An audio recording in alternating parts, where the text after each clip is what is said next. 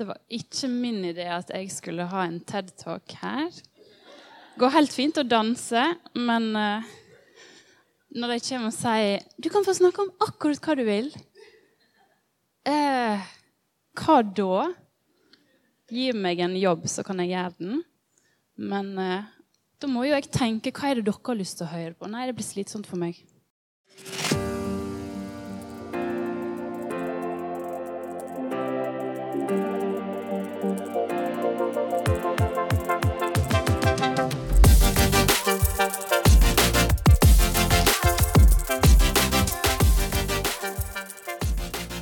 Er det noen som har sett eh, Kompani Lauritzen som går nå, Tropp 1?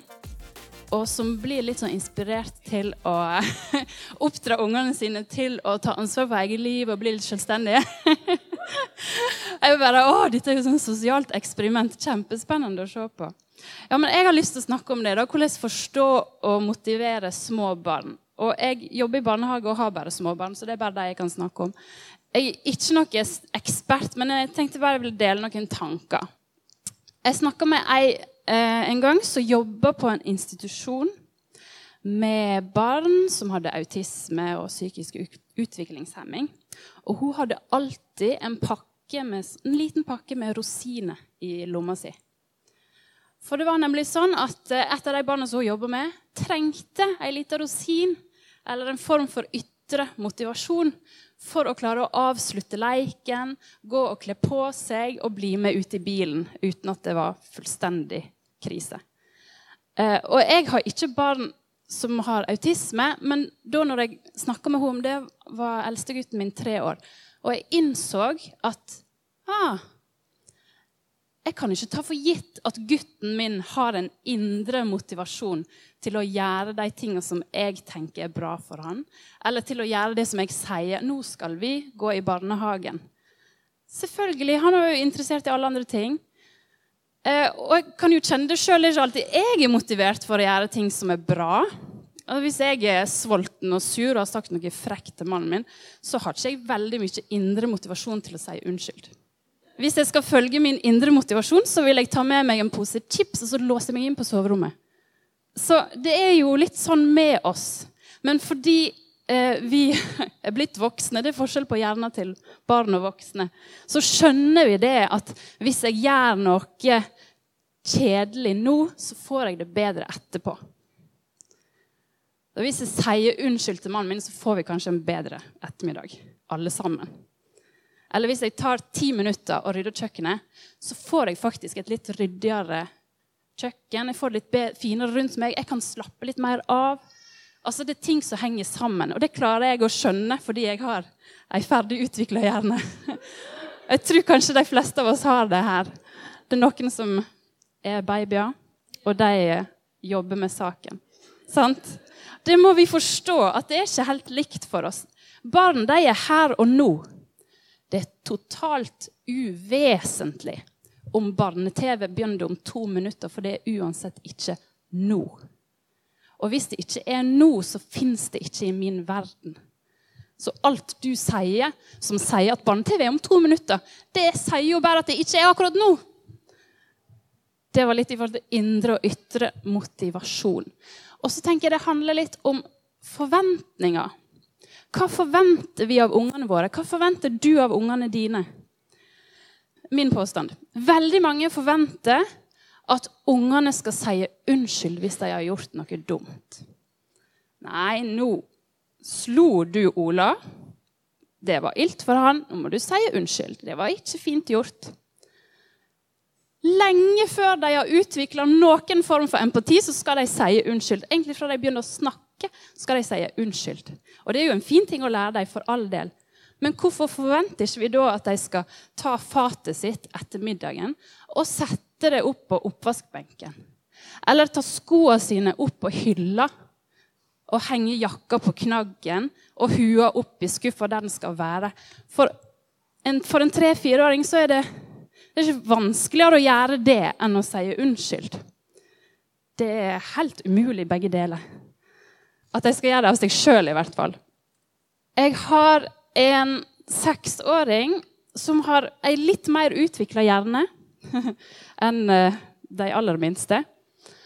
Og han, han catcher det der med at eh, hvis jeg gjør noe nå, så får jeg belønning etterpå. Og der er det jo skjermtid, som er liksom bare wow! Han kan gjøre hva som helst hvis han får skjermtid. Han tar ut på oppvaskmaskinen, hjelper meg med klesvasken, sorterer skittentøy og rydder alt mulig. Bare for han får liksom, å, får 15 minutter med skjermtid. Så det funker på han. Men fireåringen min eh, bryr seg ikke. Eh, hun kan jo bare se på når han spiller. Hæ? Hvorfor skal hun gjøre noe? bare, nei, nei, nei, nei. Og, og, bare det å få henne til å bli med ut i gangen for å kle på seg Nå skal vi fare i barnehagen. kan være helt umulig. Hun bare øh, øh, oppfører seg skikkelig dårlig. Men hun blir veldig motivert av leik. Hun elsker å leke. Og nå i det siste har hun sett på Dora, Dora, Dora the Explorer. Uh -huh.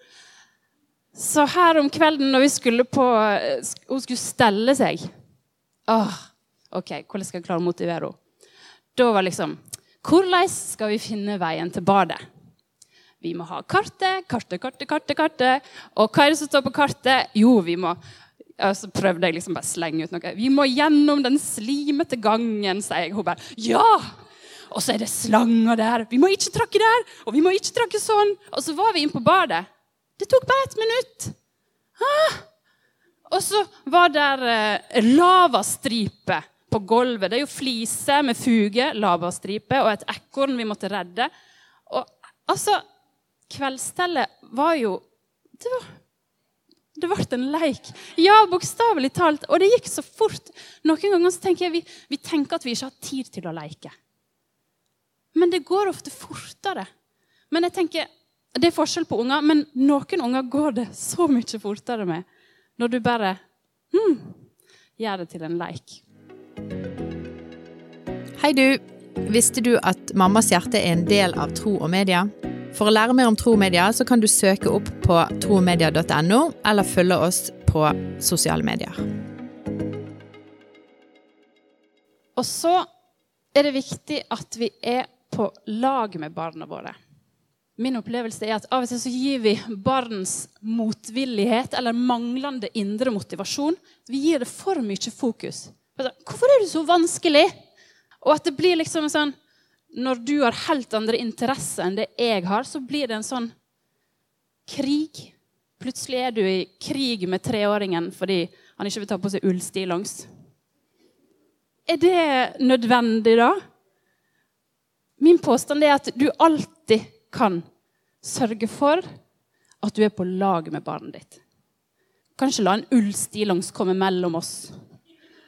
Og så er det noe med å ikke gi dem for store oppgaver heller. Eller vi kan jo tenke at det er superenkelt. Du bare rydder alle Duplo-klossene på gulvet her. Ah, alle deg! Ah, det er helt umulig. Ja, men eh, da begynner vi med de gule. Bøtta ta de gule. Og så tar du de røde, og så tar jeg de blå. Og plutselig så er alle vekke. Men det er noe med å gjøre det gjøre det såpass lite at det er overkommelig.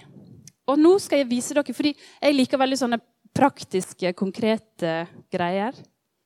Eh, så jeg skal vise dere et triks for å få ungene til å kle på seg sjøl. Jakke og støvler og sånt. Så jeg har med jakka her. skal vise dere. Vi kan begynne med, med sko, og da er min påstand støvler helt supert. Du kan bruke det hele året. Du har tynne støvler, du har tjukke støvler. Da kan de bare trakke oppi. Hæ? Og så må du jo ha, fordi jeg jobber i barnehage, du må jo merke det med navn. Så da bare tar du og merker det på innsida der. Og så sier du de klistremerkene skal være venner. Så slipper du at den stokker seg sånn, sant? fordi den må jo være sånn hvis den er, de er liksom der på innsida. Og så skal jeg vise dere jakketrikset. Altså, Toåringene klarer dette helt fint sjøl. Jeg vet ikke om dere ser det. Men her er det ei jakke. Du legger den åpent ned. Sånn. Opp ned. Så hetta den peker mot meg. Så skal jeg da ta hendene nedi, og så bare flipper jeg jakka på. Idiotsikkert. Alle unger klarer det.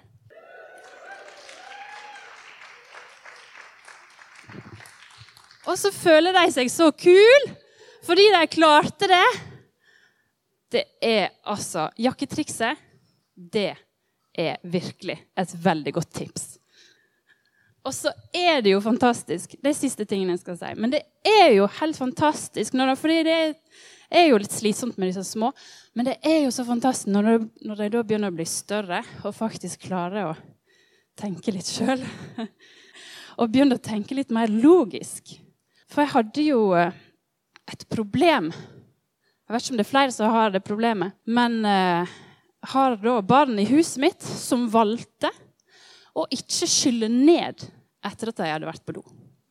Så der lå det det var både nummer én og nummer to. Det kunne være hva som helst. Det lå i doskåla. Og liksom, de var ferdig og hadde gått sikkert vaska hendene eller ikke. det vet jeg nå ikke. Men uh, de var liksom ferdige å gå på do, de, og så hadde de bare gått. Og så sier jeg at Du, jeg har sett det masse bæsj i doskåla. Og det som skjer da, det er at det blir veldig skittent. Og så må jeg stå og bruke tid på å vaske der, kanskje fem minutter, før jeg kan gå på do. Og det tenker jeg helt greit, jeg kan vaske. Men det koster ti kroner. Så neste gang du er på do og ikke skyller ned, og sånt, og jeg ser det masse bæsj i doen, så kan du bare betale med ti kroner fra sparebøssa di.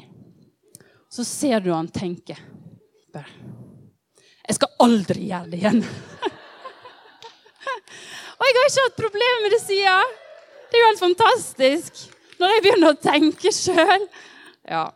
Det var det jeg ville si. Takk for meg.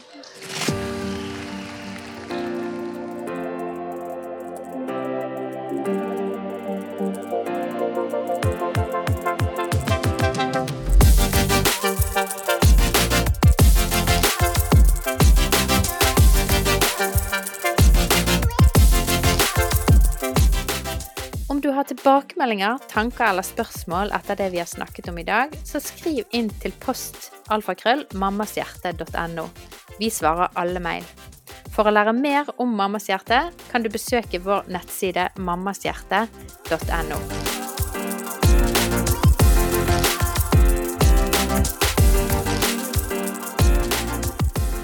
Denne podkasten er laget i samarbeid med Tro og Media og Familiesenteret i Bergen.